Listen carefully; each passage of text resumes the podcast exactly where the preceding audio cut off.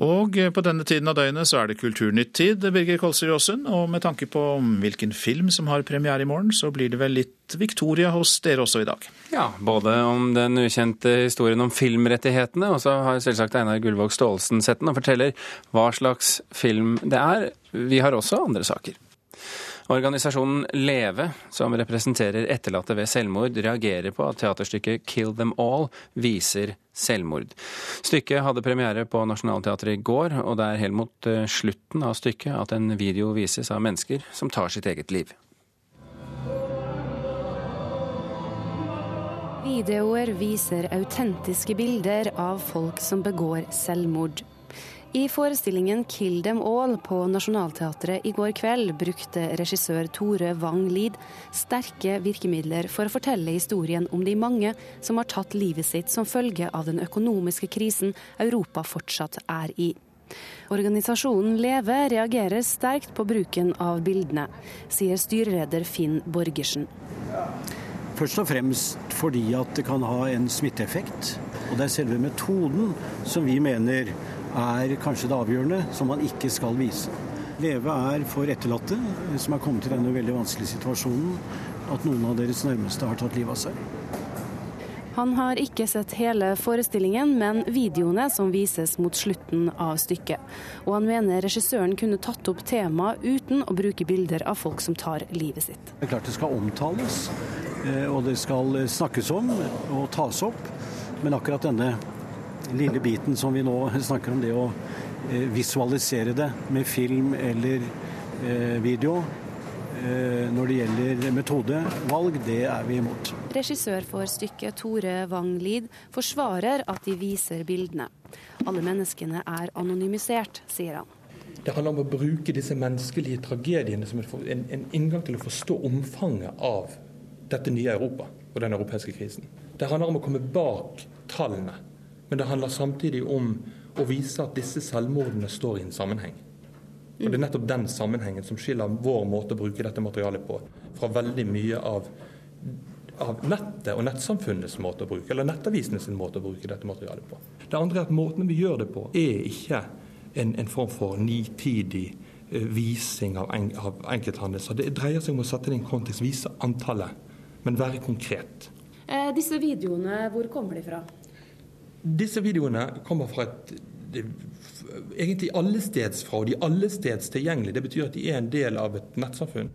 Det vrimler av de. Sånn er virkeligheten vår blitt. Men det som jeg kan si, og det som jeg kan love, er at vi gjør det minst, eller langt, langt mindre spekulativt og langt mindre inngående enn en, en de her nå frykter. De NRK snakket med i går kveld som hadde sett forestillingen, reagerte ikke på at regissøren har brukt videoer av folk som begår selvmord det er mye av temaet for stykket er jo finanskrisen og, og, og konsekvensene av den. De er jo ikke provoserende eller utleverende eller vulgære, de bildene. De er veldig distanserte. Så jeg syns at det var fint. Jeg reagerte ikke på det. Jeg syns det var veldig riktig i forhold til bruken av eh, video som medie ellers. Reporter i denne saken var Eirin Venås Sivertsen. Karen Frøsland Nystøl, teaterkritiker her i NRK. Hva syns du om eh, bruken av bildene? Jeg, eh, jeg syns det var vondt å se. Jeg, jeg ble ikke voldsomt provosert. Jeg visste jo at det ville komme. Men det er samtidig jeg synes, ja, det er samtidig vondt å se noe som du veit er ekte.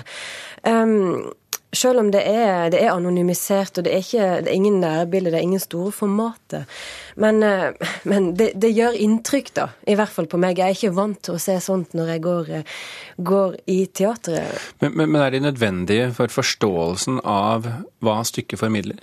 Nei, de er ikke nødvendige. Men de er satt inn i en sammenheng, og det er det viktig å, å påpeke at de er. For som Tore Wangli sjøl sa her, så handler det om en kontekst, en sammenheng, om bakgrunnen for hvorfor dette er en realitet i Europa. Stykket handler om hva som skjer når mennesket fratas alt av verdi, når det å leve normalt ikke lenger blir lov fordi det er en økonomisk krise på gang, hva, hva det gjør med menneskene. Så han, han, viser fram et overblikk over den europeiske situasjonen. Og så velger han samtidig ut enkeltmennesket for, for å belyse det. Og det er jo her, her mange av disse enkeltmenneskene da ikke overlever 2012. Men kan du forstå organisasjonen Leve som reagerer på bruken av disse bildene, når du vet um, hva den organisasjonen uh, jobber for? Ja, det er klart at det er forståelig. Dette med smitteeffekt og sånn er vanskelig for meg å, å uttale meg om. Men jeg vil igjen si at når disse bildene står i den såpass tydelige konteksten som de gjør, så, så blir det veldig tydelig del av et kunstnerisk prosjekt. Men han kunne, Wang Li kunne latt være å ta dem med, og det hadde, gått, hadde blitt et godt teaterstykke uansett. Men gjør de noe ekstra med teaterstykket? De, de slår deg litt i magen på slutten der. Mm. Um, hva slags forestilling er dette egentlig? Det er et spill. Det er et sørgespill. En slags tragedie, kan man si. Det er bygd opp som et brettspill. Hvis du husker det spillet du spilte sikkert da du var barn, denne jakten på den forsvunne diamant med et Afrikakart som man flytter seg rundt på. Afrikakartet er nå bytta ut med et europakart, og vi har spillere skuespillere som da er spillere i dette brettspillet, spiller med sine karakterer eller personer rundt omkring. Så vi møter en student fra Italia, vi møter en sanger fra Hellas.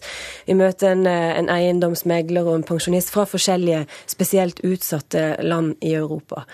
Og så, eh, når man er med i spillet, så må man godta spillets gang. Det kommer sånne overraskelseskort som du må snu, og enten får du en god beskjed eller en dårlig beskjed. Og som regel så er beskjedene disse karakterene får dårlige at du må ut av leiligheten, du må betale høy rente på lånene dine, du har ikke lenger jobb, osv.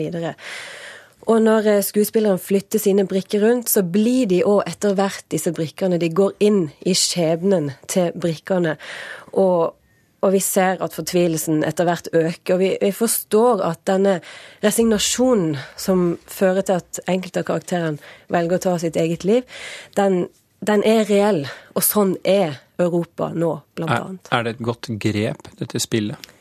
Ja, jeg syns det. Jeg, jeg, jeg syns at det er det, fordi at eh, det gir skuespillerne mange muligheter til å, til å vise fram eh, den europeiske situasjonen. Og i tillegg så syns jeg hele stykket er godt satt sammen. Det, musikken er viktig her, og den, den, bygger godt opp under det som skjer i, i spillets gang. Karen Frøsland Nystøl, tusen hjertelig takk for at du kunne komme til oss nå på Morgenkvisten. Etter det Kulturnytt har grunn til å tro, kommer byrådet i Oslo i dag til å gjøre et formelt vedtak i saken om et nytt Munch-museum. I vedtaket avviser byrådet både Tøyen og Nasjonalgalleriet som mulig lokalisering av et nytt Munch-museum. Dermed er det fortsatt helt uklart hvor et fremtidig Munch-museum skal ligge, men med dette vedtaket overfører byrådet ansvaret for den videre utvikling i saken til bystyret. Filmregissør og produsent Steven Spielberg er valgt til å lede juryen under filmfestivalen i Cannes i mai.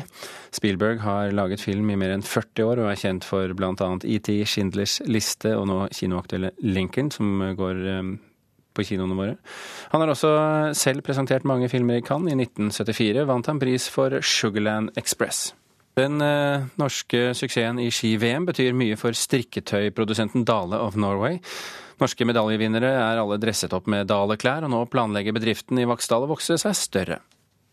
Nei, Nå går vi jo døgnet rundt. Vi har vel et mål om å strikke 3000 gensere i uka. 33 strikkemaskiner står tett. Vi er i produksjonshallen hos Dale of Norway i Vaksdal. Etter å ha blitt rammet av finanskrisen i 2008, er optimismen tilbake. Og dette forklarer noe av suksessen. Petter Northug har full kontroll! Det kommer til å bli gull! De norske skistjernene er alle dresset opp i strikkegensere fra Dale under VM på ski. Vaksdal-bedriften har vært sponsor for skilandslaget siden 1956. At de norske utøverne håver inn medaljer er gull verdt for hjørnesteinsbedriften i Vaksdal. Det sier daglig leder Øyvind Lauritzen. Vi har en standing internasjonalt som eh, nok har kommet gjennom alle OL- og VM-medaljer. Erling Dock Holm er førsteamanuensis ved Markedshøgskolen i Oslo. Han sier avtalen Dale har med skilandslaget gjør selskapet unikt. Så langvarig lojalitet mellom en sponsor og Skiforbundet er ikke vanlig. Og dessuten så er det de færreste produsenter som lever så lenge. Så hvis dere ser mange av de som sponsorer på VM i 1982 i Holmenkollen, så er det ikke mange av dem som finnes i dag. De vel 60 ansatte her er vant til at markedet svinger. Bl.a. er kalde vintre også viktig for salget på det norske markedet. Men nå ønsker de å vokse seg større, bl.a. med en ny sommerkolleksjon. Målet er å vokse, og målet er å strikke flere gensere på Dale. Og målet er å utvikle selskapet her. Reporter her, det var eh, Siri Løken. Nå, eh, For et kvarters tid siden så la Norges største spillselskap Funcom frem sin finansrapport for fjerde kvartal i 2012. Etter at storsatsingen The Secret World i fjor floppet, gikk selskapet på store tap. Ansvarlig redaktør i Økonomi- og næringslivsavisen på nett E24. Hva viser de ferske tallene nå for fjerde kvartal?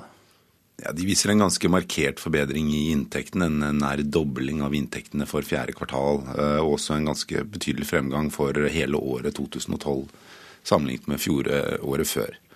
Eh, samtidig så har jo selskapet i løpet av 2012 eh, pådratt seg en betydelig såkalt restruktureringskostnad. De har måttet si opp godt over halvparten av staben sin, lagt ned bl.a. et kontor i Beijing og et kontor i USA. Og lagt om strategien sin ganske radikalt. Så det bærer 2012-regnskapet preg av. Men Per Valbrok, hvor dramatisk er egentlig situasjonen for Funcom nå i 2013? Det, 2013 er vel et, et slags make or break-år for Funcom, i og med at de nå har lagt om strategien sin ganske betydelig. Funcom er jo et selskap som har satset på store spill. De har lagt betydelige investeringer inn i, inn i, tre spill, hvorav ingen har virkelig levert til, til forventningene. Så det har vært en betydelig risiko i hver av de lanseringene. Nå skrur de om og satser i stedet på flere og mindre spillanseringer. De har bl.a. et par prosjekter gående med Lego i Danmark for mobil- og brettspill. De prøver å dreie det mer i retning av hyppige og mindre utviklingsprosjekter. Og Hvilke utfordringer står de da overfor? Nå er ikke jeg noen ekspert på spillmarkedet, men jeg vil jo tro at i, i det, som i alle andre eh, omlegginger av en utviklingsstrategi som den, så, så må de være vesentlig mer våkne for, for markedsbehovene. Og, og, mindre opptatt av hva de selv ønsker å gjøre på lang sikt. Det, det, blir, det er en helt annen holdning til markedet som må til. Nå har jo de to siste kvartalsrapportene vist en viss lysning for selskapet, og de har tatt en, en del strukturelle grep, som du sier. Hvordan vil børsen i Oslo reagere på dette, tror du? Det er vanskelig å si, for tall kan være gode, regnskapstall kan være gode, men børsen likevel blir skuffet. Disse tallene er isolert sett ganske gode for, for selskapet.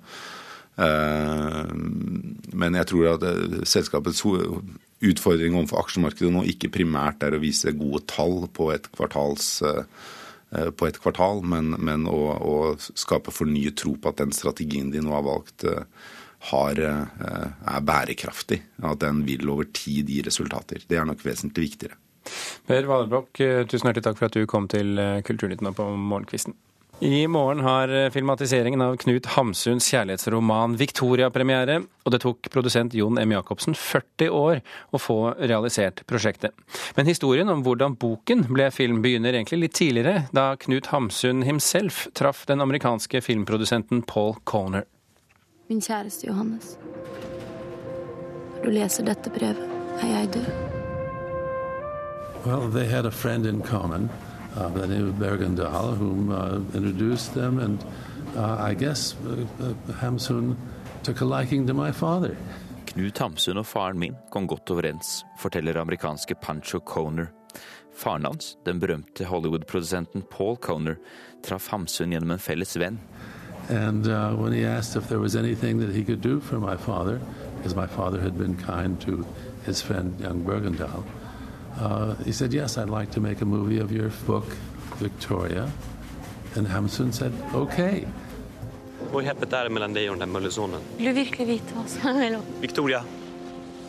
Faren elsket historien om den umulige kjærligheten mellom møllersønnen Johannes og rikmannsdatteren Victoria, men filmen ble det dessverre aldri noe av. He was a romantic.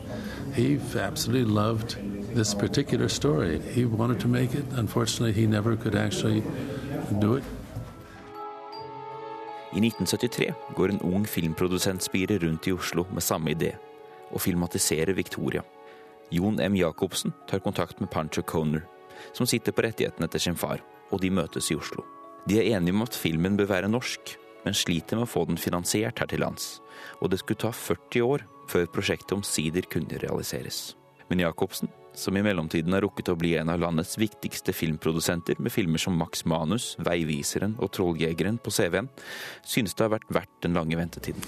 Det er klart at i dag, 40 år etter, så har vi muligheter til å gjøre ting som vi ikke hadde den gangen. Det er klart at den filmen vi eventuelt ville lagd i 1973, ville vært veldig, veldig annerledes enn den filmen vi har laget i dag.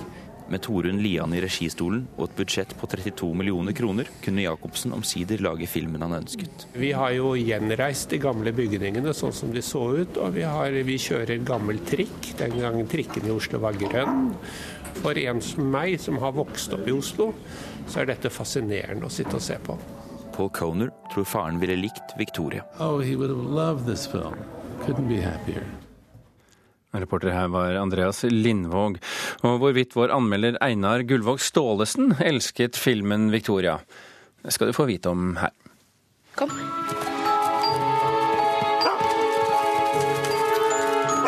Victoria er vakker. I sine beste stunder er filmen rik på innhold og ånd og visuelle kunster. I andre og mindre intense perioder er avstanden i tid også en opplevelse på avstand. Bildene fra barndommen er fjernere enn bildene fra ungdommen. Barnas dialog er ikke helt ledig. Barna, altså skuespillerne, er litt preget av sine omstendelig knappede kostymer. Noen av de voksne føler trolig at tiden tynger senere i fortellingen også. Men det er mye driv i ungdomstiden. Da er spillet mer dynamisk. Da er dramaet på sitt heteste. Da kommer de stilige bildekomposisjonene med all sin fortelling og informasjon til sin rett. Da er koloritten vakker, fargene er spesielt rene og sterke. Det er et forfriskende fargevalg de har gjort, regissøren Torunn Lian og fotografen Harald Pålgard. Musikken er også raffinert. Den brukes i små og dempede doser. Og så er det mye stillhet i tillegg. Stillhet kan være dramatisk. Her er stillhet en effekt. Du kan gifte deg med meg. Takk. Det var. I ungdomstiden er stemningene sterkest. I ungdomstiden er det usagte synlig. Den langsomme forelskelsen eller den krevende prosessen der de og vi omdefinerer barndommens lek og tette vennskap til kjærlighet på alvor mellom to unge voksne som ikke kan få hverandre, er intens filmopplevelse. Det er Johannes, møllerens sønn, og Victoria, slottsherrens datter, det dreier seg om. Det meste dreier seg om dem. Det er skuespillerne Jakob Oftebro og Iben Akerlie som gjør følelsene tydelige, med diskresjon. De to har mye plass, og den fyller de. Victoria, hva vil du? En ungdom nå vil ikke begripe at Victoria unnlater å gjøre opprør mot sin far slik Fridtjof Saaheim tegner hans personlighet og stil. Det er ikke veldig lenge siden Hamsun skrev ham omtrent sånn. Det er fire-fem generasjoner siden. Det provoserer. Provokasjonen skaper engasjement. Nå er det nok her. Han må sette seg. Men han har skrevet alt selv. Ikke ennå, men eh, det kommer. I neste roman. Det blir en skrekkelig historie. Toren Lian tydeliggjør Johannes-figuren som forfatter med suksess og tysklandsfascinasjon, og mer enn antyder at Johannes er et selvportrett av Knut Hamsun. Det også skjerper interessen for Victoria i norsk filmatisering. Og det er en annen god premierefilm på kino denne helgen. Det er svenske 'Spise, sove, dø'. Einar Gullvåg Staalesen i 'Mørkets opplevelser' i kveld klokken 19 forteller deg mer om den. I morgen kommer det nye kulturmagasinet Fanfare i bladhyllene landet over. Magasinet skal handle om alt fra film og musikk til kunst og litteratur. Men eh, er det plass til enda et kulturmagasin i dagens mediemarked? Vi har jo hatt lyst til å lage det bladet vi selv syns mangla, da. De har laget det bladet de sjøl ville ha kjøpt. Det er blitt veldig flott, altså. Jeg syns det selv. Det er tidligere medlem i Elverumsbandet Teamy, Synne Øverland Knutsen og tekstforfatter Amalie Kasin Lerstang som gir ut det nye kulturmagasinet Fanfare. Det er en film vi har lagd om hva fanfare er. Fanfare, det høres ut som, Interessante ting. Noe viktig, kanskje. Føler jeg meningen med fanfare. At det er durtledu, her kommer noe nytt. Men her ser du, vi har svart forside. Det valgte, vi, det valgte vi for å skille oss ut, da, rett og slett. De to redaktørene i midten av 20-åra har fått støtte av Norsk kulturråd og Fritt Ord. Vi skal liksom ha de største aktørene ved siden av de minste. For å liksom trekke fram de minste. Første nummeret er viet kultur som ennå ikke er utgitt. Vi har en anmeldelse av Den uskrevne bok. En bok som ikke er gitt ut, som er anmeldt. Dette er notatbøkene til et teaterproduksjonsselskap, en multikunstner, en tegneselskaper, en forfatter og en bilder. Og trykker bl.a. innholdet i notatbøkene til forskjellige kunstnere. Store delen av det man, når man jobber med kultur, er jo faktisk når man eh, lager det. Det er egentlig hardt arbeid. da. Tror du noen vil lese om det? Ja, jeg tror det er interessant. da. Jeg tror at sånn generelt i samfunnet vårt så trenger vi mindre glansbilder og mer på en måte forbilder. da. Her er et illustrasjonsbilde tatt i Elverum med mamma. Mange av artiklene har de skrevet sjøl. Synne Øverland Knutsen og Amalie Kasin Lerstang bor i Oslo, men er fra Telemark og Hedmark, og er opptatt av at kultur ikke bare skjer i byene. Bygdekultur. Er det bare mulighet til å drive med kultur på, i byen, eller kan man også gjøre det på bygda? Og det tror jo vi. Det er de som skal til abonnenter og, og mindre forandre, da. Det nye magasinet på 100 sider skal komme ut to ganger i året, og blir å finne i bladhyllene i Narvesen-kiosker landet over. Her står det kor fem. Det betyr at det gikk gjennom fem ganger, med, fem runder med korrektur. Men er det plass til enda et blad i Vrimlund av andre kulturmagasiner og tidsskrifter? Med den type nisjeblader så er man vel avhengig av offentlig støtte. Professor i journalistikk Rune Ottosen sier det er bra det kommer denne typen nisjeprodukter, men tror de vil være avhengige av offentlig støtte for å overleve. Jeg vil jo tro at de vil være helt avhengige av Kulturrådet, Fritt Ord, den type ordninger. Og det er veldig bra at vi har det, nettopp fordi den type nisjeprodukter er jo bra for mangfoldet. Så jeg vil vel tro at de en god stund vil være avhengig av en eller annen form for støtte for å få dette til å gå rundt. Det virker som de prøver å være litt antikjendis, da, kan du si. Og det er jo klart at alternative stemmer og viser seg å være en interesse for det òg, men det, det, er jo en hard konkurranse til hvem man konkurrerer med. Da. Så de må, de må jo være drivende dyktige da, for å få dette til, og det blir jo spennende å se. Så målet er da at det må skille seg litt ut, eller være noe som ikke finnes allerede? Ikke fordi vi har lyst til å snakke dritt om noen andre, men fordi vi har lyst til å være et alternativ. da. Det sa Synne Øverland Knutsen og Amalie Kasin Lerstang, redaktører av det nye kulturmagasinet Fanfare. Reporter var Stein S. Eide.